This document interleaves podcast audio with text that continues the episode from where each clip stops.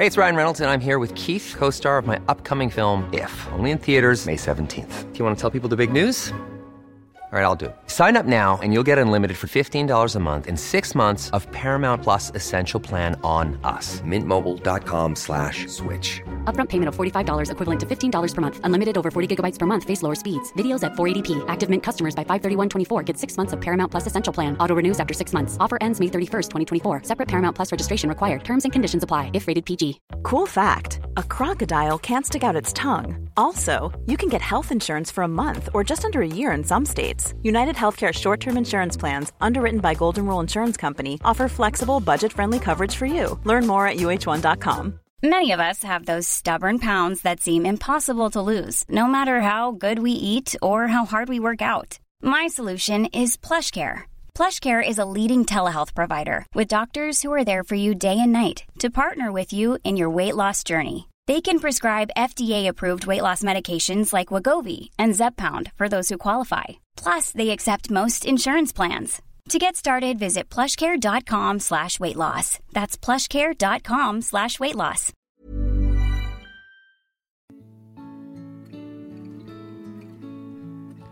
Välkomna tillbaka till podden Utan dig med mig Emelie. Och mig, Alexandra. Idag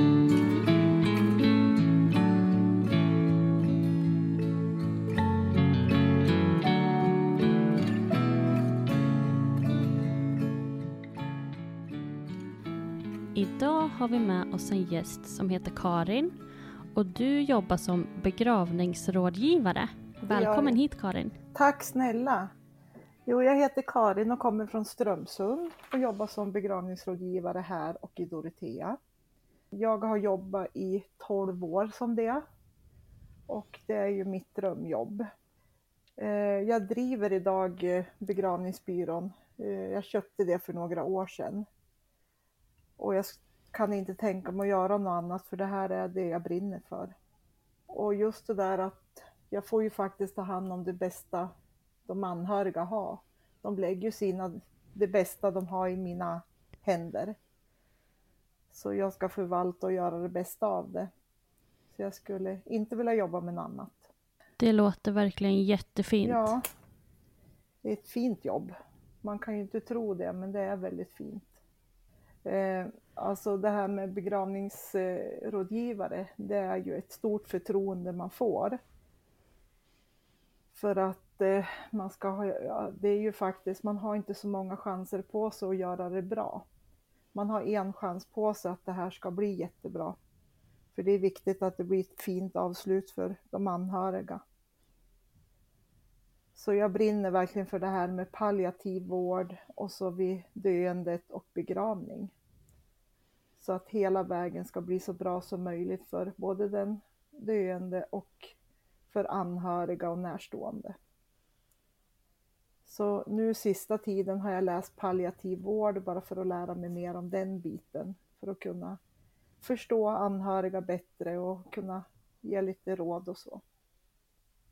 Hur kom du in i den här branschen?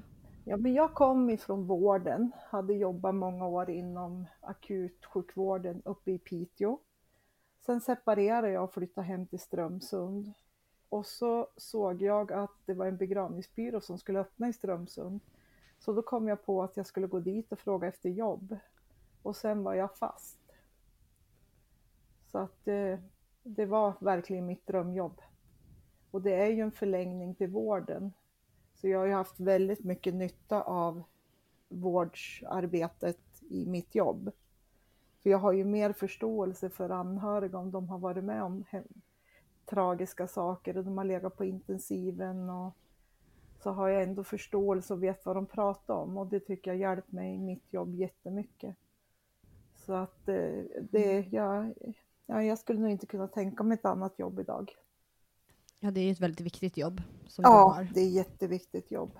Och som sagt, vi har ju som bara en chans på oss för att det ska bli ett jättebra avslut. För blir det fel någonstans så blir det fel hela vägen.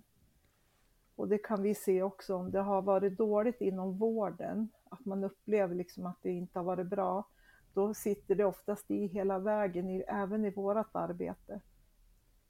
Så det är en viktig tid, både det där slutskedet och Mm. döden och efterarbete. Men man får ju väldigt, väldigt mycket Mm. vänner i det här jobbet. Man kommer ju familjerna så nära. Så att eh, man träffar mycket folk och man har ju fortfarande kontakt efter flera år med anhöriga. Har du alltid kontakt med anhöriga en viss längd eller någonting sånt? Eller är det upp till de anhöriga hur de vill ha det? Ja, men en del anhöriga så de har ju stort behov av att fortfarande ha kontakt med oss på något sätt för att vi har ju blivit som vänner och vi har ju, ja, vi har ju som jobbat ihop oss för jag är ju faktiskt en av dem. Och en del är ju väldigt snabb och inte vill ha så mycket kontakt men de flesta är ju, har man ju kontakt med flera år efteråt. Fast det blir ju mindre och mindre eftersom. Första veckorna har man jättemycket kontakt och sen så avtar det ju och sen är det ju mer bara någon gång per år eller så att det är lite olika. Men man får mycket relationer i alla fall till folk. Skulle du vilja berätta lite mer hur Eh, en arbetsdag kan se ut för dig? Vad du gör, liksom och vad du har för olika arbetsuppgifter? Mm. Eh, som begravningsrådgivare, vi jobbar ju, vi jobbar ju på en liten begravningsbyrå och då jobbar man ju med det mesta. Vi har ju transporter. Vi åker ju ut och hämtar avlidna i hemmet och på sjukhus och det kan vara olyckor. Det finns ju att vi har polishämtningar. Och då är det ju polisen som ringer ut oss då om det har varit eh, dödsfall som polisen är inblandad i. Och det kan ju vara trafikolyckor, det kan vara självmord, överdoser. Det kan vara egentligen vad som helst. Sen har vi ju de som har legat hemma och haft palliativ vård som vi får åka och hämta oftast om de är hemma. Sen kan ju ambulansen ringa ut oss att någon har avlidit i hemmet och det har gått väldigt fort och då är det ju vi som åker och hämtar för ambulansen får ju inte ta någon avliden i, i bilen. Så det är ju alltid vi som åker ut. Eh, sen åker ju vi in med dem då till sjukhuset på Bårhus och där finns ju de då fram till att eh, anhöriga har träffat oss och bestämt kista. Och då är det ju vi som åker ut då på bårhuset och eh, ja, men vi klär dem kanske och vi bäddar ner dem i kistan och gör fint. Och så åker vi ut då till olika eh, kapell där begravningen ska äga rum. Och där lämnar vi av kistan då fram till begravningen. Vi träffar anhöriga för att planera begravning, hur de vill ha det. Eh, vi ja, beställer ju begravningar. Eh, vi skickar papper. Vi ordnar bouppteckningar. Vi har begravning då som vi är representanter på. Så att eh, det är ju väldigt eh, varierande jobb. Vi, vi vet ju aldrig hur en dag ser ut egentligen. Vi kan vara jätteduktiga på att planera men det där spricker ganska fort för då får man en akuthämtning någonstans. Och, men det är ju det som är lite tjusning när man inte riktigt vet vad som händer på en dag också. Det låter som att du har väldigt stor eh, respekt för ditt jobb och dina Ja, uppgifter. men det har jag. Det här är det viktigaste. Och det är viktigt att allting blir rätt. Det är så tråkigt när en del i det här yrket gör bort sig för att det blir så fel emot oss som verkligen vill att det ska bli så rätt som möjligt. För även det där att kistlägga någon och att man ska få göra dem fin och bädda ner dem fint i kistan, det är ju ett jättefint jobb. Det är ju bland det viktigaste vi gör, att vi verkligen gör fint. Varje gång jag kistlägger någon så ska det vara så fint i kistan så jag ska kunna öppna locket och visa allihopa när som helst. Jag skulle aldrig lägga ner någon bara utan att se till att de är nerbäddade och att det är fint i kistan. Så att eh, sånt är jätteviktigt. Att det ser bra ut, att man känner sitt inre att gud, jag har gjort det bästa jag kan. Har, har du träffat eh, andra då som jobbar inom branschen som kanske inte ser det på det sätt som du gör? Ja, det har jag faktiskt. Eh, det finns faktiskt någon som jag har träffat som absolut inte gör det så värdefullt som det, alltså så fint som det ska vara. Men som tur är så är det inte många, men de finns. För det här jobbet, det är inte ett jobb, det är ett kall. Alltså det, det är liksom... Det, det följer med mig hela tiden. Alltså det, jag finns alltid med mitt jobb och jag vet att jag ska göra ett bra jobb. Du nämnde ju också där att, du, att folk tror att ni sminkar. Vad är det du skulle säga när jag Mm. avbröt dig där? Eh, många tror ju det. Ibland så har vi gjort det att vi sminkar och vi lockar hår och sådär. Men inte i den utsträckning som folk tror. För många frågar ju jämt om det här med sminkar ni dem och det gör vi inte eh, alla gånger. Det händer någon gång ibland att vi kan göra dem anhöriga önskemål. Ibland så kan det ju vara så att någon alltid har nagellack på sig. Ja men då sätter vi på nagellack eller läppstift eller men det är inte så ofta det blir så eller det är inte som i filmerna. Men det händer att vi gör det. Jag tror de gånger jag har gjort och lockat hår och så, så har det varit yngre människor. Det har som varit yngre tjejer som jag har gjort det på. Jag har fått något kort hur de ser ut och hur man ska locka håret. Och, men ofta så är det att vi, vi kammar dem och gör dem fin men vi brukar inte sminka dem. Men möjligheten finns ju om någon önskar. Ja, det känns ju som att eh, eh, det finns så mycket förutfattade meningar. Ja men det tror jag. Men att det egentligen är så alltså mycket friare i önskningar än vad man kanske tror. Ja, det, det är faktiskt så att eh, jag tror att mycket man ser på det är ju filmer och sådär. Och många tror ju att man alltid har öppen kista på en begravning. De frågar, ja men är kistan öppen? Nej, vi har aldrig kistor öppen på begravning. I så fall så brukar man ju ha som ett personligt avsked innan begravningen. Att man får komma då och vi har kistan öppen för de som vill komma. Men vi har ju aldrig en begravning där kistan är öppen. Men många tror ju det för de har ju sett det på filmer. Jag fick ju också lära mig när Ture dog att man får ju göra väldigt brett hur man vill kring en begravning. Och det är ju något som säkert många inte heller tänker Nej, att man ju kan göra. absolut. Det finns jättemycket att, att göra. Och det är ju mitt jobb att se till att ni får alla verktyg för att kunna göra det så fritt som möjligt. För att det finns så mycket man kan göra som kanske inte man får reda på. Men som begravningsrådgivare så är ju faktiskt det min uppgift, det är ju att se till att ni får alla verktyg och vad ni vill göra och vad man kan göra, för det mesta kan man ju faktiskt göra.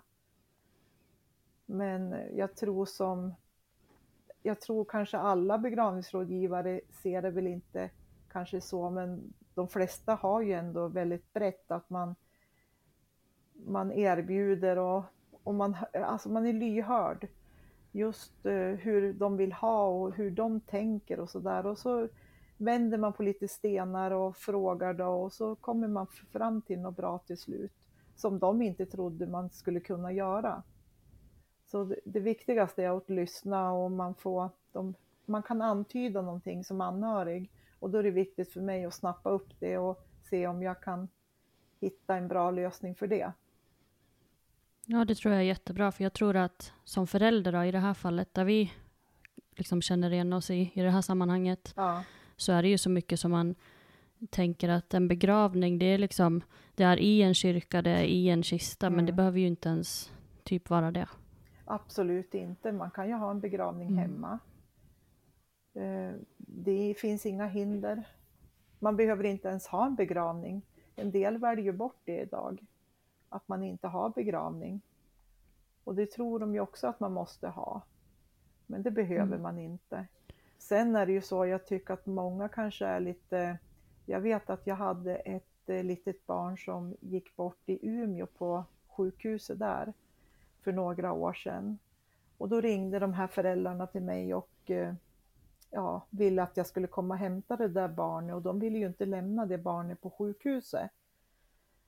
Och helst hade de ju velat ta den här pojken själv med sig hem. Eh, men då hade ju läkaren sagt ifrån att de fick verkligen inte, för tänk om de skulle krocka och ett barn ligger död i bilen.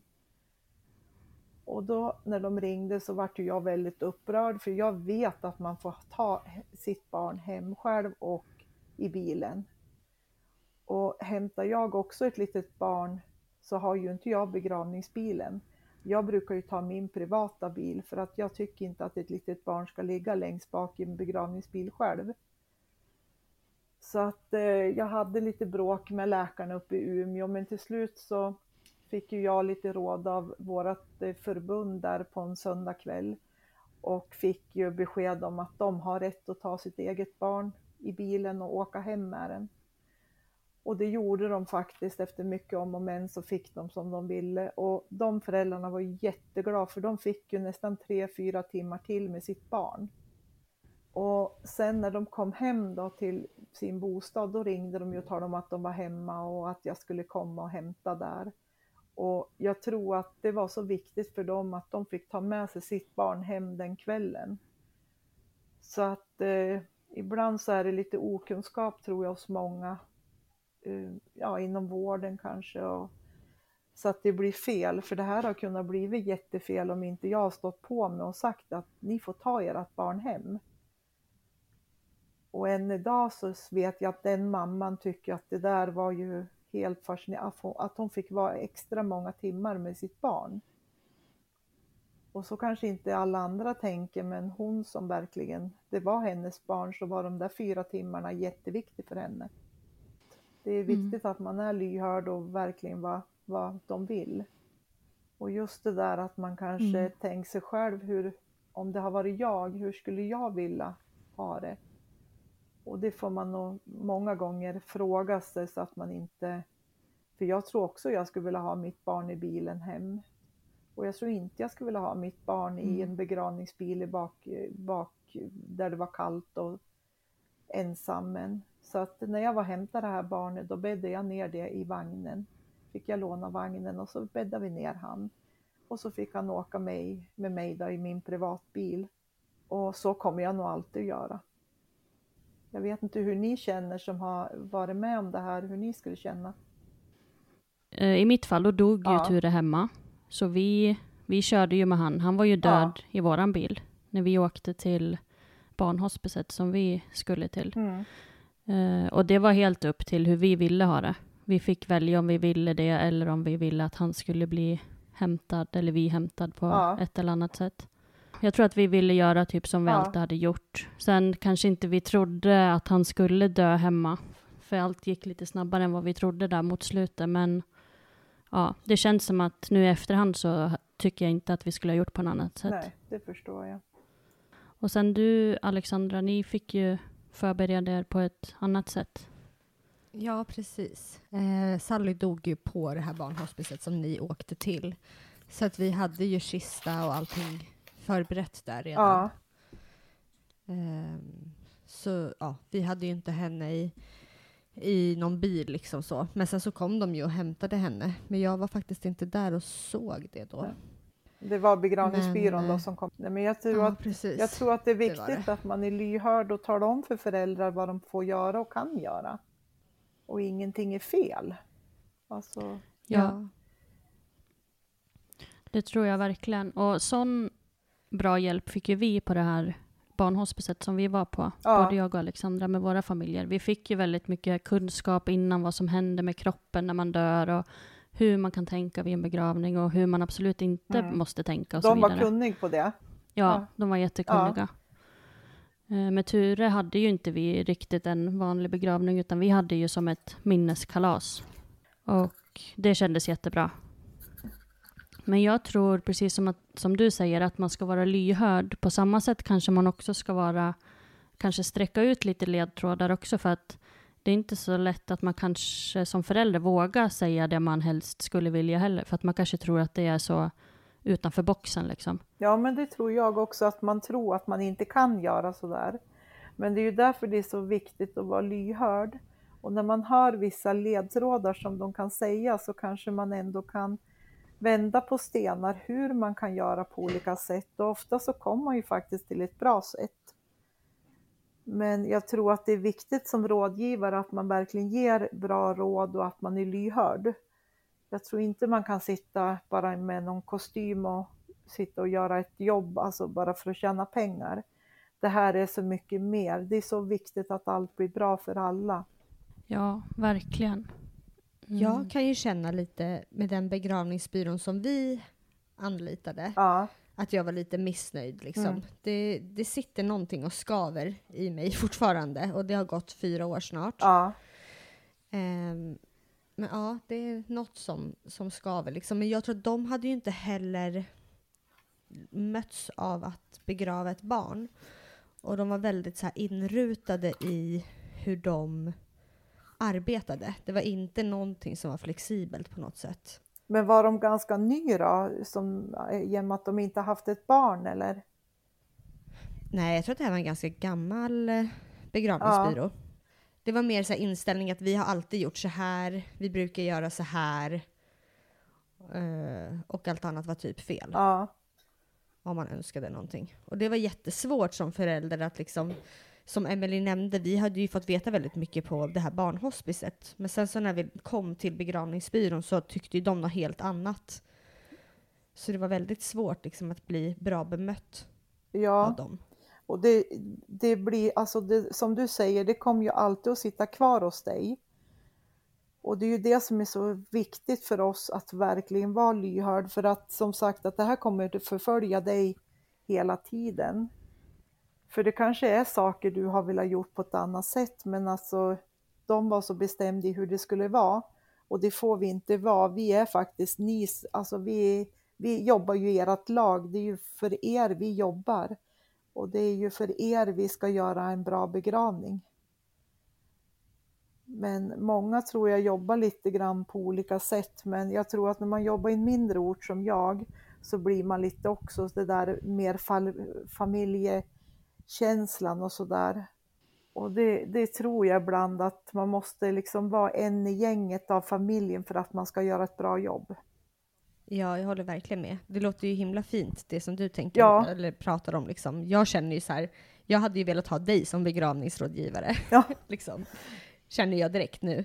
ja, nej men alltså jag, jag, känner det att jag vill inte vara någon sån där eh, som sitter på höga hästar och talar om hur de ska göra jag är ju en av familjen som ska liksom fatta de här besluten tillsammans med dem. Och jag ska ju bara alltså, se till att uppfylla deras eh, önskan och det, det är mitt jobb. Det är verkligen en viktig ceremoni. Ja, absolut. Och jag säger att eh, man måste ju vara lyhörd för en del då tror ju som sagt, som ni sa, att en del måste ha begravning i kyrkan och det ska vara på ett visst sätt. Det finns så många sätt att göra en begravning på. Du behöver ju inte ens ha kroppen med dig på en begravning. Du kan ju ha en minnesstund hemma som räknas som en begravning. Ni kanske är ute i skogen och gör något som räknas som en begravning. Så att det är ju inte det där att du måste gå till kyrkan för en begravning, för en begravning kan man göra på hur mycket sätt som helst. Och det är så viktigt för oss att förmedla det också. Finns det eh, är det kanske lättare att prata om vad det faktiskt finns, vad det finns för regler. Jag tänker då lite på till exempel, måste en kista kunna gå och stänga på visst sätt alltså eller har, någonting sånt där? Ja, vi har ju något som heter begravningslagen. Och begravningslagen den säger ju att kistan måste vara av det materialet och eh, att den måste vara si och så stor. Och, så att det finns ju lite lagar vi ska följa men de är ju ganska alltså det, är inte, det är inte så smalt, det är ganska brett. Man får göra ganska mycket egentligen.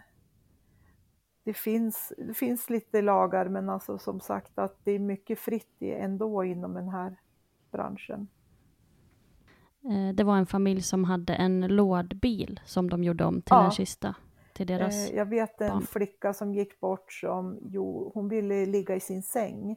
Hon ville fortsätta sova i sin säng och sängen gjorde de om till en kista.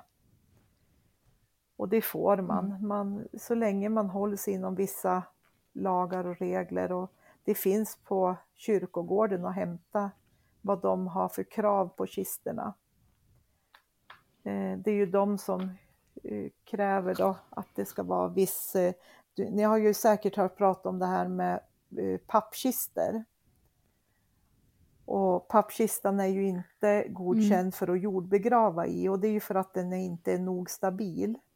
Det är ju risk att det kan ramla ut och sådär. Sen är den ju förbjuden på många ställen på grund av att eh, på kremation och det är ju för att eh, den fattar eld för fort. Den brinner för fort.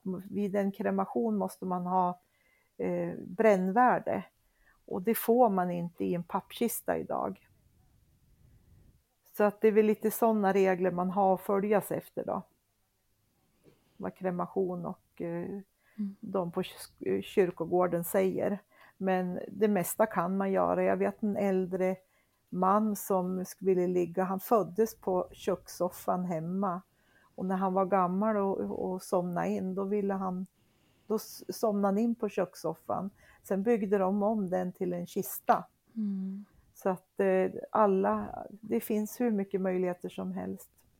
Inget är ett problem egentligen. Fint. Mm. Mm, jag tänker att vi ska hoppa igång och kolla lite på våra frågor som vi har fått också. Ja, För vi har ju efterfrågat frågor Ja. till det här avsnittet. Så vi har fått in frågor från våra lyssnare och följare. ja, Vi kör igång med dem och så får du hjälpa oss med svar. Och då har vi den första frågan här. Och den lyder. Vilken är den jobbigaste frågan att ställa till någon som nyss har, förlo- som nyss har förlorat någon?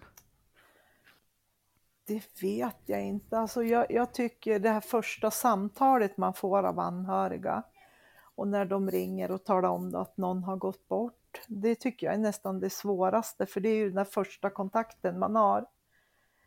Eh, och direkt när de kommer, för att på ett samhälle som jag bor också så känner jag ju väldigt mycket folk. Och jag blir ju också ledsen. Det kommer jag inte ifrån.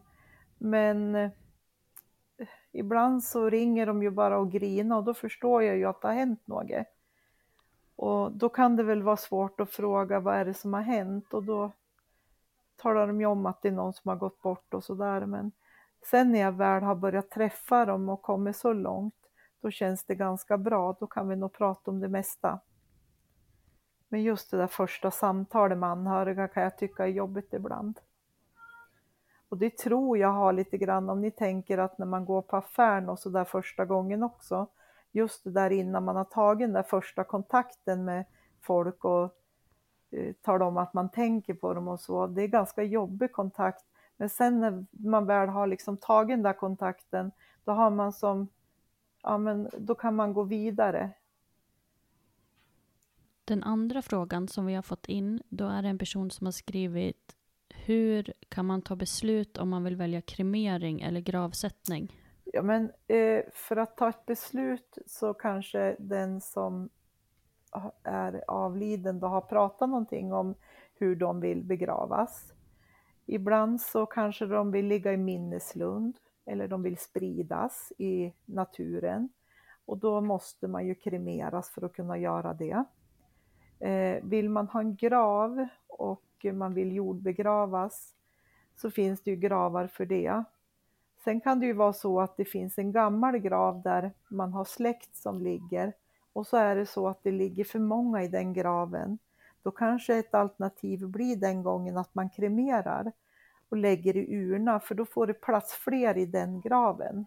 Så ibland kan det vara sånt som avgör också att eh, anhöriga vill så gärna att den där graven, de vill ha den graven, men det finns inte plats för att jordbegrava.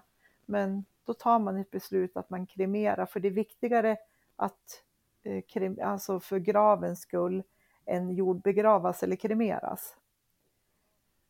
Så det är ganska vanligt att man ställer sig för det, just de här gamla gravarna som man vill ligga i. Så är det ett ganska, det är många kanske som har pratat jordbegravas, men då anser man att det är viktigare att få ligga just i den graven och då kremerar man. Eh, hur många kan man vara i en grav? Men det är lite olika på olika ställen. Eh, här, här omkring nu så har vi tre kistgravar och då gräver man ju på djupet så man lägger ju tre kister på varann. Och då ska det ju vara ett visst mellanrum och det ska ju vara visst eh, mycket upp till eh, längst upp då. Jag tror det är en och en halv meter det ska vara jord. Men med urnor, de kan ligga på 80 centimeters djup och där kan du ju som lägga nästan hur många som helst.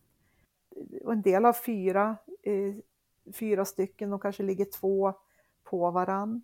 En del gravar, gamla gravar, kan det vara bredvid varann, två stycken. Så att det, det är så olika från olika kyrkogårdar. Om vi fortsätter på det spåret där, så en fundering jag har är till exempel kistorna eller eh, om man sänker ner en urna, förmultnar de till slut eller hur funkar det där? Ja men det gör de, men det kan ju ta jätte, jättelång tid. Det kan ju ta mest hundra år ibland och det fortfarande finns rester kvar av kistan. Men jag tycker väl ändå att vi börjar komma i så där att vi har lite bark och det, det är liksom att det, det är material som går fortare att förmultna. Så att eh, vi börjar väl komma mer och mer på det där natur, att det ska gå fort och för kistan och, och bli jord igen. Men det tar tid, det tar jättelång tid. För en grav får man ju aldrig, är det 50 år innan man får kanske börja och gräva igen. Men då kommer man att man kommer på någon kista eller så, då får man ju inte gräva något mer i den graven. För våran den... dotter Sally då, eh, hon är begravd i samma grav som min pappas mormor och morfar. Ja. Som dog säkert på 40-talet någon gång, eller lite senare. Så det är ju väldigt många år sedan. Ja. Det var därför jag bara funderade på liksom hur det... Ja, det finns säkert kvar lite grann, det gör det säkert. Mm. Eh, för att mycket av de här kisterna som var förr också, det var ju av sånt material som var lite svårare och idag så är det ju barkurnor och lite mer kister som det går lite fortare för att förmultna. Tror du att det är både ur miljösynpunkt, alltså att det ska vara bättre för miljön, men också kanske för att vi behöver mer plats för gravar på kyrkogårdarna? Jag tror att vårt miljötänk i samhället är så stort idag så att eh, jag tror att det är mycket det att man tänker mycket på miljön. Eh, våran kistleverantör, han har ju gjort, eh, de har gjort en kista nu som heter Saga och det är ju en naturkista. Och det ska ju vara, det är ju som papp, typ pressad, pressade rondskålar som de har gjort en kista av. De har hållit på jättelänge för att få ihop den här kistan. Men nu är den klar och säljs i alla fall. Och så är det ju barkurnor vi säljer mycket. Och det är också natur då. Och så är det furukister, är ju också en natur som vi eh, mycket säljer då för naturen. Så jag tror att det tänket börjar ju komma mer och mer. Jag tror inte det handlar mer om att det ska bli mer plats och så, det tror jag inte. Finns det regler eh, om man nu skulle vilja begravas med någon som redan är begravd? Eh, hur liksom går man tillväga för att få göra det? Eh, då kollar man vem som är gravrättsinnehavare för den graven. Och det kan ju vara kanske mamma och pappa eller någon som, är, som äger den graven. Och de ska ju godkänna att, det, att eh, den här personen får ligga i den här graven. För det finns alltid gravrättsinnehavare, den som äger graven och det är de som bestämmer över den. Eh, sen vilken, det beror ju på om det finns plats i den där graven också. Ibland så kanske den är full och då har ju kyrkan rätt att neka. Men annars är det ju gravrättsinnehavaren som kan neka att eh, man inte får ligga där. För det är alltid de som bestämmer det. Brukar det vara barn som också är gravrättsinnehavare, om det är till föräldrar och äldre släktingar? Nej, det brukar nog vara de som är äldre, så det kan nog vara kanske ja, men någon mor och farförälder eller så. Eh, inte de under 18 brukar vara gravrättsinnehavare i alla fall. Om vi fortsätter på det här med gravrättsinnehavare, ja. eh, som i vårt fall nu då, så är det min pappa som är gravrättsinnehavare till den graven där Sally ligger då, och hans mormor och morfar. Ja. Eh, säg att han nu skulle vara med om en olycka och eh, dö. Mm. Hur blir det liksom med den eh, med det då? Kan jag ta över den eller ansöker man om det? Ja, ni kommer att få eh, den dagen, då kommer ni få ett papper och till dödsboet som frågar vem som vill bli gravrättsinnehavare för den här graven. Och då kan du ta över den graven. Eh, vi hade ju fått en fråga lite in på det där spåret också. Och det var ju om du skulle ge råd om att liksom planera för sin egen begravning innan man dör. Och till exempel fylla i Vita arkivet. Ja, vi har ju något som heter Livsarkivet. Och eh, jag kan känna att det är en bra grej att göra det. För det blir ju mindre jobbigt för anhöriga att ta de här besluten. För att vid ett dödsfall så är det ju jättemycket beslut man ska fatta. Och jag tycker inte man behöver gå in i detalj på, alltså i minsta detalj hur man vill ha det. Men just de här stora grejerna, om man vill ha grav, om man vill jordbegravas, kremeras, om man vill ha begravning eller inte. Sådana grejer. Men sen om det ska vara fika eller om vilken låt och sådär, det tycker jag är mindre viktigt. Men just de här stora besluten, det underlättar väldigt mycket för anhöriga eh, som är kvar för att ta om det finns nere på papper. Sen tycker jag att man ska fylla i det när man är frisk. För har man blivit sjuk och så, så är det svårare. Så det här ska man prata om och göra när man är frisk. Sen tycker jag nästan det är lite sent. Vissa gör det ju när de är döende också. Men jag tror att man ska börja planera redan när man är pigg. För det blir så svåra beslut för familjen att fatta tillsammans också. Nej, för jag tänker också på det att eh, säg att någon släkting har fyllt i då Vita arkivet eller det här eh, livsarkivet Ja. va, som ni Ja. kallade det. Och sen så har den här personen dött och sen så känner de som lever att nej, det här känns ju inte rätt för oss. Vi kanske, den här personen som har avlidit kanske vill ha en eh, kyrkbegravning med jordsättning medan vi som är kvar vill ha en minneslund. Hur bemöter man det? Alltså vi försöker ju in i det längsta att få det önskemål som den här den avlidne har. Eh, jag tycker att många gånger så kanske det är mer det där att eh, den som har skrivit där livsarkivet kanske har skrivit att de inte vill ha begravning. Och där kan det bli lite svårt ibland känner jag, för anhöriga vill ändå ha det där avslutet. Men många gånger kan man ju kanske ändå bemöta det på ett annat sätt. Jag hade ju som en, eh, en kvinna nu som jag var och träffade före jul och hon somnade ju in här vid årsskiftet. Och hon ville absolut inte ha en begravning. Men anhöriga ville ju ändå ha någonting så att det blev så att vi bestämde att vi skulle ha ett avsked. Och eh, då samlas vi i kapellet på kvällen, jag och så anhöriga. Och så hade vi lite fika och, och så och jag hade ställt i ordning kistan. Vi hade blommor, vi hade jättemycket ljus. Jag hade tänt marschaller utanför. Och så träffas vi där och spelar hennes musik. Och så satt vi och fika tillsammans med henne och vi var där och tog lite kort och ett par timmar.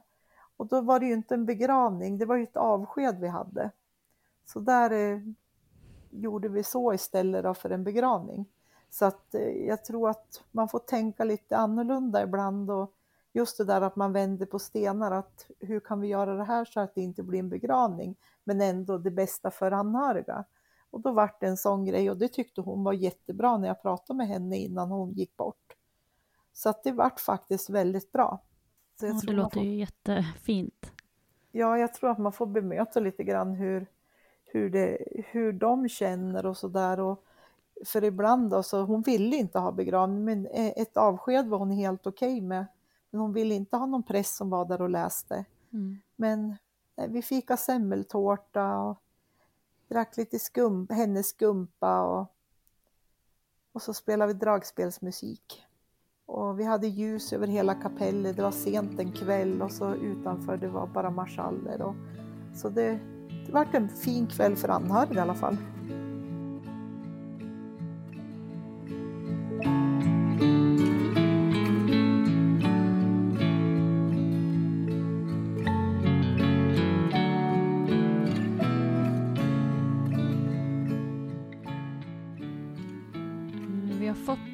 Som är lite inne på just det där med att fika och ceremonin. Ja, Eh, och det handlar om att många säger ju ofta att det känns liksom så konstigt att man ska gå och fika direkt efter begravningen. Nästan Ja. som att man ska gå och fira lite. ja, Eh, skulle du säga att det finns liksom en anledning till att man ofta har just den eh, slutceremonin också? Alltså finns det både bra eller dåliga eh, synpunkter om att ha eller inte ha det? Ja, men jag tror att det är både och faktiskt. Eh, Jag har ju sett nu under coviden så har det ju inte varit så mycket minnesstunder.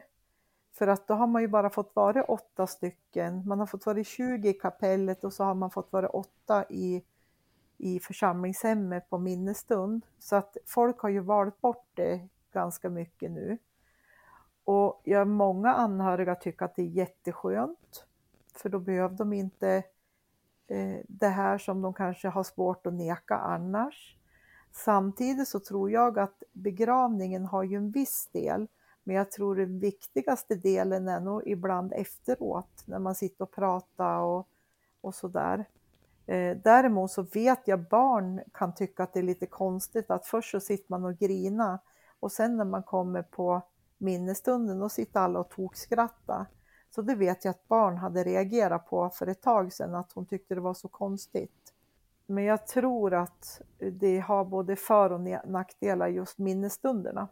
Vad skulle du säga är nackdelen med det Ja, men nackdelen är ju att det kostar ganska mycket att ha en minnesstund idag.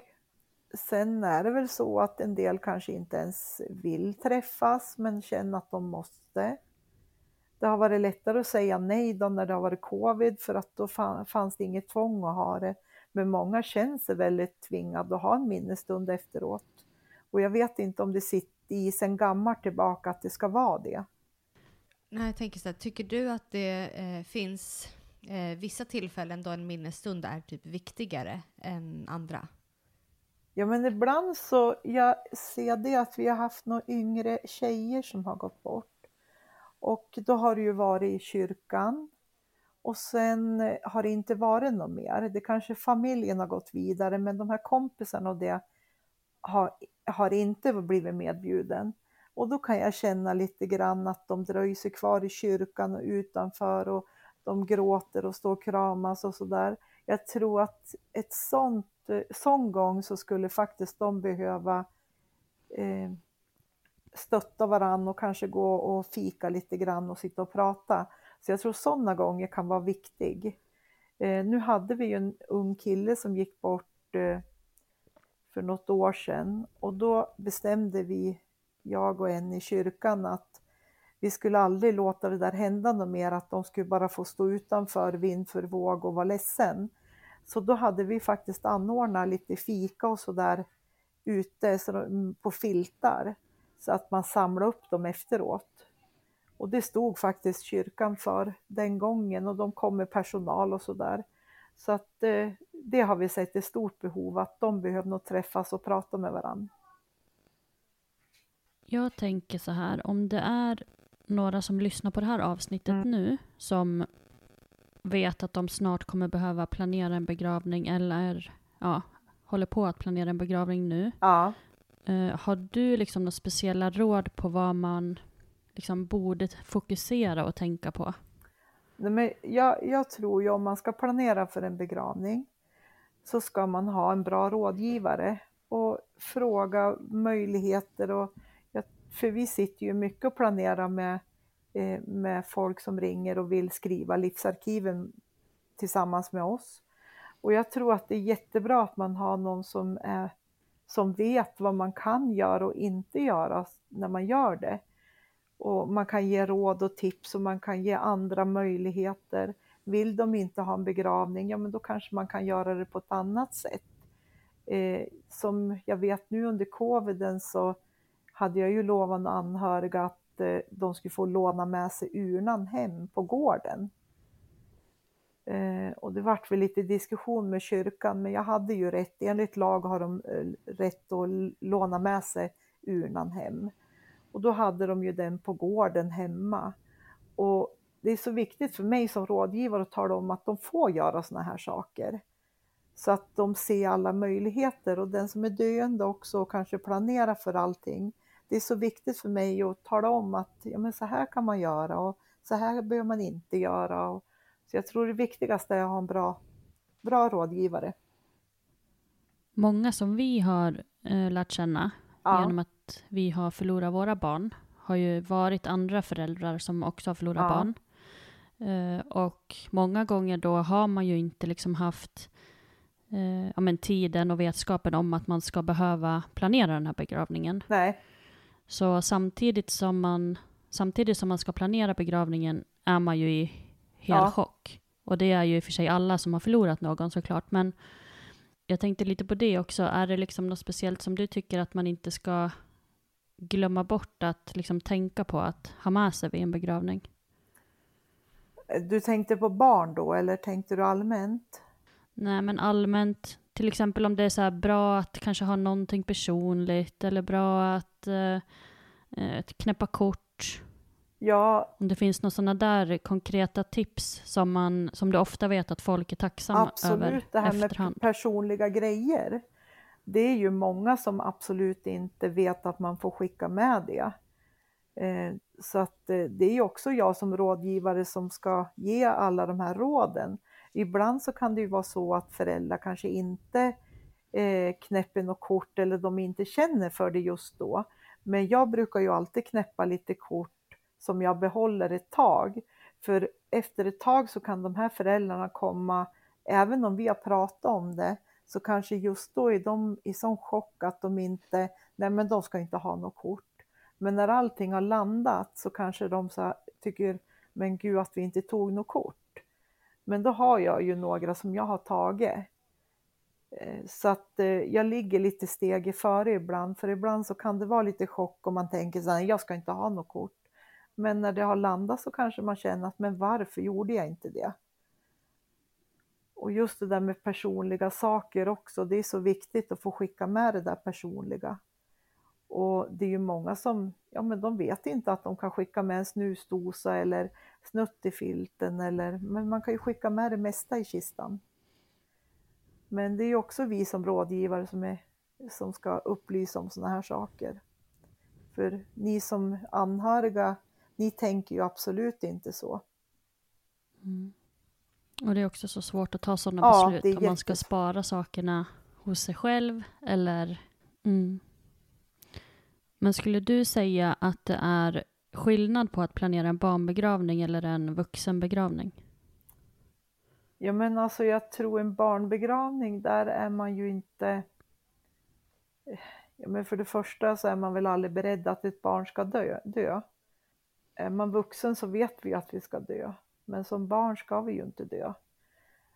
Men jag tror ju att man får tänka lite annorlunda, för jag säger som barn också, det är ju det där med, det är så viktigt, snuttefilt och det kan vara att de ska ha med sig någon nallebjörn och sen är det ju det här runt, de kanske har syskon också, som att det är jätteviktigt att man ser till att det blir bra för dem. Att man planerar mycket utifrån deras skull också. För de kanske vill skicka med den här gosebjörnen till, fast man vill behålla den hemma. Men jag tror är det syskon så är det nog ännu viktigare att man är lyhörd och, och eh, jag tror man planerar nog på ett annat sätt då när det är fler barn inblandade och så. Mm. Vi har fått en fråga som handlar lite om det. Ja. Och där var det en person som skrev eh, hur du resonerar kring vikten av att ett syskon ska vara med och bädda ner i kista och se sitt döda syskon. Ja, men jag tycker barn ska vara med, för många gånger så är ju de mer, alltså tänker på ett helt annat sätt än vad vi vuxna gör. Och eh, många gånger så får man ju frågan att nej, men de ska inte gå på en begravning, kan de göra det? Men jag tycker absolut, så länge, så länge de är med så blir det ju en naturlig del och de, annars blir det ju jättekonstigt om de inte får vara med och bädda ner i kistan och så också. Är det så att de vill och det är klart de ska vara med. Hade ni syskon när, när era barn dog? Jag hade det. Ja, Eh, jo, men han fick se Sally efter att hon hade dött. Eh, vi hade henne, hon fick ligga i en barnvagn som hon alltid låg i när vi var på det här hospicet. Eh, så ja, då fick Nikolas se henne, klappa på henne och säga hej då. ja, Ehm, och han, han var ju väldigt liten, han var precis två år. Han hade precis fyllt två år, kanske tre veckor tidigare. Ja, Eh, så han var ju som sagt väldigt liten liksom. Men jag tyckte att det var viktigt att han fick se henne. ja jo, jag är också inne på det, att jag tycker att det är viktigt att de får vara med. Att man inte lämnar dem utanför. Det, för de sörjer ju oftast också, kanske man inte ser det på dem, och, men de är ju barn och sörjer på sitt sätt. Och jag tror det är bra också att de ser att ja, men de får ta ett Exakt. avsked. Så jag tycker så länge det går så tycker jag absolut att syskon och, och så ska vara med. Och barn på begravningar. Och jag, jag ser inget hinder, för förr i tiden var det ju så att, att de var alltid med och så. Men sen har det ju blivit att det var lite tabu det där att de inte ska gå på begravning. Men jag tycker ändå att det har kommit tillbaka mer och mer att man ska ha barn med sig i, i de här planering och att de får vara med på begravningen och att de får komma och se kanske farmor eller farfar när de är död. Man ska inte lämna dem utanför. Nej, jag tänker också att det gör ju att man kanske tar bort mycket av det här tabubelagda eller det som gör att man tycker att det är läskigt och sådär. Eh, att man lyfter det mer. Ja, jag tror att det blir en naturlig del för dem, det här med döden också. Eller natur, naturligt, natur, men alltså det blir inte så skrämmande. Döden blir inte lika skrämmande om de får vara med. Mm. För om vi hela tiden inte tar med dem, då blir ju döden något skrämmande. Och sen har vi pratat mycket tidigare också om att eh, det är viktigt att prata om döden och inte nämna det som att somna eller gå bort och liknande. För det blir också väldigt förvirrande ja, för barn. Jag har en tavla på jobbet nu och där det fanns massor med uttryck vad man säger när någon går bort. Det går bort och man kliver av och man trillar pinnen och det finns ju så många ord egentligen. Och det är ju som ni säger också det här somna in. Ja, det är inte så lätt för ett barn att förstå om somna in, det gör man ju, man somnar. Och för dem sover man ju. Men det är ju Mm. jättemycket ord för just när man avlider så finns det jättemycket ord. Ja, och då kan det, kan det ju bli läskigt att gå och sova sen också. Ja, det kan det bli för att då är de rädda att de också somnar in om de sover. Så jag tror det är viktigt att man använder bra ord för barna. Att de, och att man förklarar för dem hela tiden också. Sen tycker jag då innan begravning så tycker jag ju bra att barnen får komma innan och se på lokalen till exempel. Så att det inte sånt är skrämmande in, när de kommer på begravning. Då har de varit dit och känt sig för lite grann. Så man får jobba på ett helt annat sätt när barn är inblandad. Så jag tycker efter fall och fall, som vi, alltså för varje gång så får man liksom se hur det passar den här familjen bäst. Mm. Men det är väl det som kanske är det svåraste i det här yrket, att kunna skräddarsy för varje familj vad som är bra och dåligt för dem. För en del familjer har ju kanske jättebehov att komma dit dagen innan till kapell och bara få vara där. En del kanske inte har det, men jag, det är väl där det är viktigt att vara lyhörd och känna efter hur syskon känner och, och hur de fungerar och sådär. Så att eh, det, det är en viktig del att barn alltid får vara med och att man är bra på att förklara och att man ser alltså framåt hur man skulle kunna göra så att det blir bra när de kommer på begravning till exempel. Sen tycker jag också, är de så pass stor så att de kan Mm. hjälpa till att välja kläder kanske och alltså de får vara med och bestämma vad som ska ligga i kistan och jag tror att man ska ta med sig barnen, man ska inte lämna dem utanför. One size fits all seems like a good idea for clothes until you try them on. Same goes for healthcare. That's why United Healthcare offers flexible, budget friendly coverage for medical, vision, dental, and more. Learn more at uh1.com. Hey, it's Ryan Reynolds, and I'm here with Keith, co star of my upcoming film, If, only in theaters, May 17th. Do you want to tell people the big news? All right, I'll do. it. Sign up now and you'll get unlimited for $15 a month and six months of Paramount Plus Essential Plan on us. Mintmobile.com slash switch. Upfront payment of $45 equivalent to $15 per month. Unlimited over 40 gigabytes per month. Face lower speeds. Videos at 480p. Active Mint customers by 531.24 get six months of Paramount Plus Essential Plan. Auto renews after six months. Offer ends May 31st, 2024. Separate Paramount Plus registration required. Terms and conditions apply if rated PG.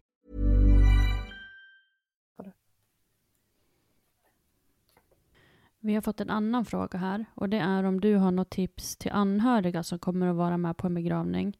Eh, och då alltså till exempel anhöriga till föräldrar som har mist ett barn. Om det är någonting speciellt som de här anhöriga kan göra för till exempel föräldrarna då, att vara ett bra stöd för dem som har förlorat ett barn. Ja, men jag tror ändå som eh, familjen behöver ganska mycket stöd. Och jag tycker ju att man ska försöka avlasta så mycket som möjligt. Man kanske kan fara dit med en liten påse med mat innan och man kan eh, hjälpa till om de ska vara barnvakt och man kan, man kan göra så mycket och bara finnas där. Och även under begravningen att man finns där och man kanske kan ta hand om syskorna och så familjen får sörja mer och så att det, man finns där runt omkring för, för både syskon och föräldrar. Det är viktigt som an, anhörig och ja, men bara det där att göra mackor och ställa i kylen till exempel när man är hemma hos en familj som har sorg. För att eh, man går ju inte och gör sig kanske mat själv. Men att man fyller på kylen och ser till att de dricker och äter och man avlastar så mycket som möjligt. För jag tror att de närstående kan göra ganska mycket för familjen egentligen. Då har vi en till fråga. Och det är om du brukar avråda vid några tillfällen att man inte ska se den avlidna. Ja, det händer faktiskt att jag har gjort det. Men det är ju sällan, alltså jag vill ju så, länge, så långt det bara går så vill jag ju gärna att familjen, om de vill se den avlidne så ska de göra det. Men vissa tillfällen så kanske det inte funkar så bra. Ibland kan det ju vara att de har legat länge, att den här förruttnelsen har satt igång. Vid en trafikolycka kanske om de är jätteskadad, men då kanske man kan täcka, om det är ansikte då som är skadat, då kan jag ju täcka det. Ofta så kan man ju ha lite bandage och sådär och sen kanske bara handen är framme så kan de ju ändå få komma och träffa dem. Men jag försöker så, så gott jag bara kan att de ska få komma och se dem, det gör jag. Men det har funnits tillfällen jag har avrått familjen. Men då brukar det oftast vara för att kroppen är illa Ja, däran, det liksom. brukar det vara. Och det är ju helst om det har den här förruttnelsen har satt igång eller så. Då brukar jag som avrådare. Men det är inte många gånger man gör det, alltså det är få gånger. Men det har hänt. Jag tror det är viktigt att man talar om för anhöriga hur den avlidne ser ut innan de kommer in.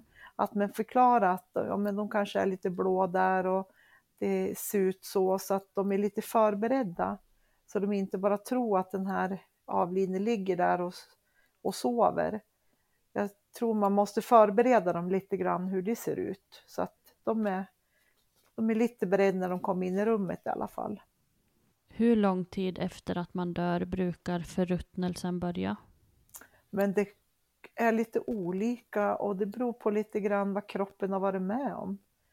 Eh, om den har kommit i kyla på en gång efter dödsfall eller om han har legat i värme. Eh, om den är obducerad kroppen så går ju förruttnelsen lite fortare. Är det sommar och det är eh, åska och det så kan det gå jättefort. Helst när det är, eh, vad heter det, mitt i sommaren. Eh, röten, då blir kroppen fortare. Mm. Eh, Den där förruttnelsen sätter igång fortare. Och ibland kan det ju gå en hel månad utan att någonting händer. Så det är så olika sjukdomar. Cancer kan det gå ganska fort ibland. Men när man dör så blir man ju också väldigt stel. Ja, första eh, timmarna, eller första timmarna så då är det de små musklerna som blir stel. Det kan ju vara som eh, finger, fingrar och sånt där som blir stel. De stora musklerna tar ju några timmar innan de blir stel. Sen så går ju likstelheten över efter en 14 timmar ungefär så då kan man ju börja att röra kroppen igen och den är mjuk och man kan klä och så så att eh, den, den släpper. Och det är ju när det inte finns syre kvar i kroppen så släpper ju det. Det är mycket man inte vet om kroppen och döden och allt vad Ja, som händer. det är ju det. Och sen lite som du var inne på innan, innan också här att man ser så mycket på film jämt så man, man tror att man vet saker som man inte alls vet. Ja, alltså vi har ju en kille i Sverige, i Malmö, som heter, heter han Jerker? Och han bygger ju upp eh, eh ansikten efter trafikolyckor och sådär eh, med kort på den avlidne. Så att han bygger ju upp eh, så att den avlidne och, och de, de sprayar ju så att de får bra färg på fingrar och han är ju väldigt, han har ju varit på något olika film eller på, hette det Döden eller sånt där, de hade någon, eh, någonting på tv ett tag och där var ju han med och visa hur man kan förändra kroppen då så att den ser ut som lite levande. Och det kan ju också bli jättefel när de har varit med om en jättetrafikolycka och så kommer de dit och så är ju hela allt uppbyggt så att de ser jättefin ut. Ibland så kanske man måste ändå se det där som är mm. trasigt för att man ska förstå vad som har hänt. Men det mm. går att göra jättemycket med kroppen ehm, och det är ju han jätteduktig på. Han åker runt i Sverige och gör det. Många är ju rädda för att se människor som är döda. Eh, varför tror du att många utav oss är det? Ja, men jag tror att det är det där att vi inte vet vad som händer när vi dör. Jag tror att det är det som gör att vi är rädd för döden. Jag vet ju alltså när jag var ung så jobbade jag på taxi här i Strömsund och i garaget bredvid där jag satt i växeln så brukar ju de parkera begravningsvagnen som skjutsar upp de döda till Umeå för obduktion. Och jag minns ju de gånger att jag sov ju inte när jag visste att det var en död som låg bredvid mig. Och idag kan jag ju som inte förstå det för att jag är ju så, alltså jag är ju mer rädd när jag är utanför sjukhuset innan jag kommer in i, i bårhuset att någon ska komma och slå ner mig där. I bårhuset är jag ju jättetrygg. För där sover de ju allihopa. Men jag, jag tror att det är den där rädslan att se någon, det är det där att vi inte vet vad som händer också med en död. Det är så skrämmande allting och och jag tror genom att vi själva inte pratar så mycket om döden mm. så är det nog det där skrämmande som gör att det är lite obehagligt att se dem. Är du rädd för döden? Nej, jag är inte rädd för döden. Jag är rädd för att lämna alla. Jag är rädd att lämna barna och barnbarn och så. Det är väl det jag är mest rädd för. Jag vill ju se dem växa upp. Och... Men själva döden är jag inte rädd för. Vi har också fått in lite frågor eh, som handlar just om kostnader för begravningar. Ja. Eh, och det pratade vi lite om tidigare idag. Att det ja. Verkar ju variera väldigt mycket på eh, orter och kanske begravningsbyråer och liknande. Ja, det gör det. Jag tycker mm. absolut mm. att när man ska välja en begravningsbyrå, jag tycker inte att man bara ska ta någon. Jag tycker ring och prata med dem, få en kontakt och se liksom eh, hur det funkar, att ni känner att det är bra. Eh, sen så kostnader, det är också viktigt att man frågar lite grann på en offert vad det kommer att kosta. Eh, för jag såg ju bara nu på en begravningsräkning så var det en, en, en bekant till mig som hade begravt sin moster i Stockholm. Och den begravningsräkningen landade på 63 000.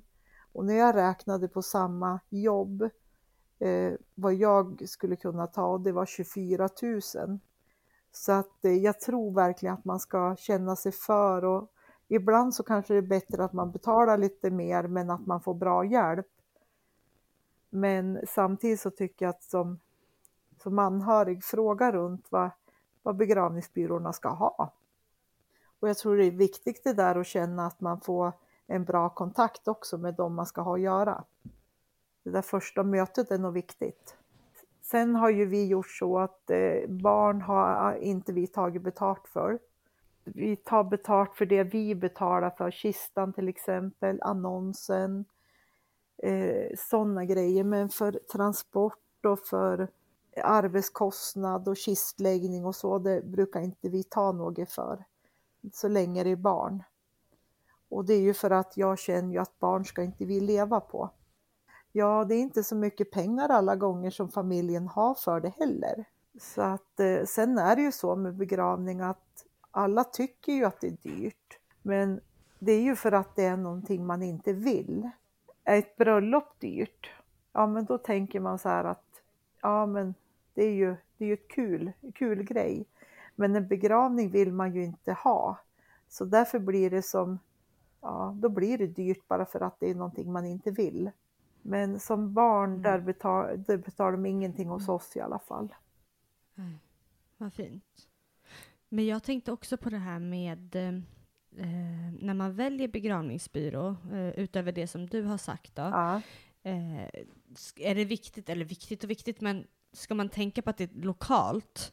En lokal begravningsbyrå, eller till exempel som du då, du håller ju till lite mer norrut än vad vi gör. Skulle du kunna hjälpa till med begravningar mer söderut? Eller hur Ja. funkar det där? Absolut, det, vi har ju begravningar eh, på olika ställen, alltså familjen kanske bor i Hudiksvall eller Stockholm eller så, men vi hjälper ju till även där. Men jag tror ju att man ska ha en personlig kontakt med dem man, man har. Idag finns det ju så många begravningsbyråer som, ja men nätbyrå finns det, det kanske ni har hört talas om att det finns de som säljer sina tjänster på nätet. Och de har ju som inga kontor, de sitter ju och så beställer man begravningar då, klicka i vad man vill ha. Och jag tror att det är viktigt att man har en bra personlig kontakt som, det är så viktig stund att man delar med någon. Men vi ingår ju i någonting som heter Sveriges begravningsförbund. Och vi har ju ganska höga krav på oss hur vi ska vara och hur vi får göra och inte göra. Och det är ju de vi går våra kurser igenom också, utbildningar. Och vi måste ju vara med på vissa utbildningar, vi måste vara med på olika träffar. Vi har lite krav på oss för att kunna få ingå hos dem. Och det tycker jag är jättebra att man har det, att man har ett krav. Mm. Det är en standard liksom. Ja, det är det. För sen finns det ju de som inte har, det är ju privat eh, byrå som inte tillhör någonting.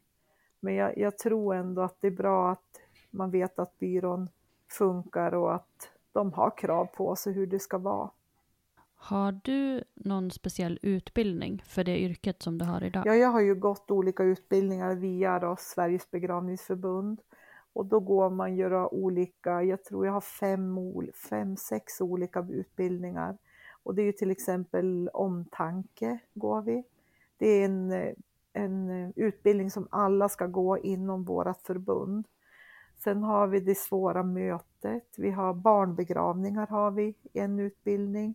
Vi har juridik i fem olika steg, eh, yrke begravningsrådgivare, vi har ja, det är olika utbildningar då som vi kan gå och så måste vi gå nog viss ofta och vi måste ha viss utbildning på vårt kontor. Så att vi har lite krav på oss hur vi ska vara utbildad. Vi har fått en annan fråga här också om hur mycket man tjänar ungefär när man jobbar som en begravningsrådgivare. Ja, men runt eh, 25 000 och uppåt skulle jag tro att man ligger. Jag skulle tro runt 25 till 30 ligger man nog som där någonstans. Mm. Mm. Sen har vi fått en annan fråga här också eh, om ni får handledning, hur ni pratar av er och om det bara är med kollegor och Ja, liknande. alltså vi har ju jättedåligt med handledning så, men ofta så har det hänt någonting inom, när man bor så här också så har man ju lite kontakt med poliserna och man har lite kontakt med vårdpersonal om man har varit ute på något jobb. Men oftast är det ju vi kollegor emellan då som pratar om det i och med att vi har ju tystnadsplikten. Eh, jag har ju min mentor, alltså hon som hade begravningsbyrån innan mig. Hon ringer ju alltid och så jag har ju faktiskt Kerstin som jag ringer och grinar ibland och jag är glad ibland och man behöver någon att bolla allting med. Och hon kan säga att jag har gjort fel ibland och jag gör rätt ibland och ibland behöver man någon som, som talar om. Jag menar, man gör ju inte rätt alla gånger. Men då kan hon säga det till mig, men du skulle ha tänkt så här. Och det tror jag är bra. Kan det vara svårt eh, att släppa jobbet när du går hem? jag släpper aldrig jobbet. Jag lever med mitt jobb. Och jag har ju jour eh, 24 timmar om dygnet. Jag är ledig en vecka i månaden. Då har ju Nina, min eh, kollega, jour. Men i övrigt så har ju jag telefonen på dygnet runt. Och alltså man släpper inte, man har ju alla de här anhöriga med sig hem på något sätt. Man lever med det här, det är som ett kall. Och jag tror att det är annat när man bor så här också. I en storstad så är det ju 7-4 de har öppet.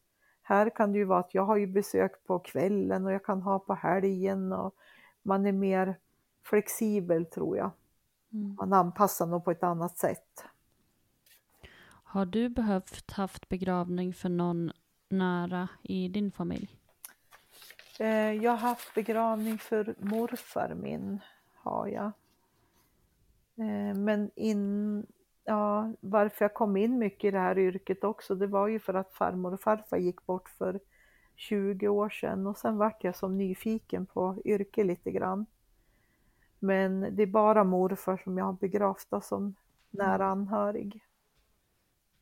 Sen är det ju så här att det, när man, jag har ju haft mycket arbetskamrater och så och kompisars föräldrar och så som jag har fått bädda ner i kistan. Och det är så konstigt ibland när man tänker så här, men gud, tänk om jag visste det här för 30 år sedan, att jag ska stå här nu och bädda ner dig. Det är sån konstig känsla ibland att det var väl ingen som hade trott det. Men det är ju ett jättefint uppdrag man får. Jag tänkte bara så här innan vi liksom avslutar allt det här. Så eh, om vi går tillbaka till livsarkivet Ja. så funderade jag på, för det första finns det någon ålder typ där man är för ung så att säga eh, för att skriva det här livsarkivet. När kan man liksom börja tänka på det? Nej, men jag tror att man kan tänka liksom på det eh, i vilken ålder som helst. Jag tror att, eh, som om jag tänker på mig själv, eh, jag har ju varit inne och ändrat det flera gånger. Så det är väl det kanske man gör, att man förändras lite grann efter gången. Och då är det ju viktigt att man kan gå in och ändra, va? att nej men nu vill jag ha det så här. Men jag tror att eh, man skulle nästan kunna vara ganska ung när man börjar skriva det. Och hur går man tillväga för att skriva det? Eh, livsarkivet finns ju även på eh, nätet. Kan man ju söka på Livsarkivet så kan man ju fylla i det där och skicka in det. Och då kan man ju hämta ut det på nätet då när man vill ändra det. Sen finns det ju även eh, så att man kan skriva ner det på papper. Och de eh, broschyrer och papperna har ju vi på begravningsbyråerna. Och vi kan ju skicka hem det till den som vill ha. Och de kan ju komma in om de vill ha det. Och vill någon ha hjälp och ta lite eller råd, då hjälper vi till med det. Sen registrerar ju vi det här livsarkivet i ett databas. Så när någon går bort då, till exempel som har sånt här, då, då dyker upp en varning i datorerna hos oss att det finns ett livsarkiv eh, någonstans och då står det ju där att det finns eh, i Stockholm på en begravningsbyrå där. Det kanske finns i vårat, eh, Eh, vi har ju på banken där bankfack, då står det att det finns ett bankfack i Strömsund. Så att det kommer alltid upp en varning och sen så kör ju begravningsbyråerna olika veckor då liksom och får träffar att det finns på en annan byrå. Så då får man ju reda på att det finns någon annanstans ibland då. Så att det är ju bra att man registrerar om inte folk vet om att man har det. Så då finns det ju tillgängligt att hämta ut då för anhöriga. Och där också så är det ju in, en kostnad oftast eh, för att man ska eh, ha det där i dokumentbevakning. Men vi har inte tagit något betalt för det. Vi, vi har det gratis då till den som vill ha det. Sen en sak som vi kanske inte alls har pratat om någonting, det är ju det här med nytt inom begravning idag, att man streamar begravningar. Att en del har, går inte på begravning idag, att man ser dem via nätet, man filmar begravningen. Det har ju också blivit jättemodernt i våra tider nu att man kan följa begravningen på familjesidan på annonsen. Går man in där annonsen är och så ser man livesänd begravning. Och då är det ju familjen då som har, Mm. har beställt den grejen. Och där också när vi pratar om kostnader så är det ju ja, allt ifrån 0 kronor upp till 13 000 det kostar att få en, en begravning streamad. Så att ibland så är det mycket kostnader som kommer med begravningar. Ja, tack eh, snälla Karin. Det känns som att vi har eh, berört många frågor och funderingar kring död och begravning nu ikväll. Ja, jag hoppas ni har fått några svar. Men som Ja, sagt, det tycker jag verkligen. Ja, det har det varit jättefint att få prata med dig. Ja, men bästa rådet är att se, ta kontakt med olika begravningsbyråer, känner för. Det kanske inte känns rätt första eh, kontakten man tar, men det finns fler. Jag, man har ett val. För att det känns ju inte bra för en annan heller om inte anhöriga känns det bra med mig. Det är så viktigt att det känns bra för alla när man ska planera en begravning. Ja, verkligen. Nu hoppas och tror vi att många som har lyssnat och som tvingas behöva planera en begravning får med sig många goda råd. Ja, det hoppas jag absolut. Tack Ja, men så jättemycket. Tack snälla ni.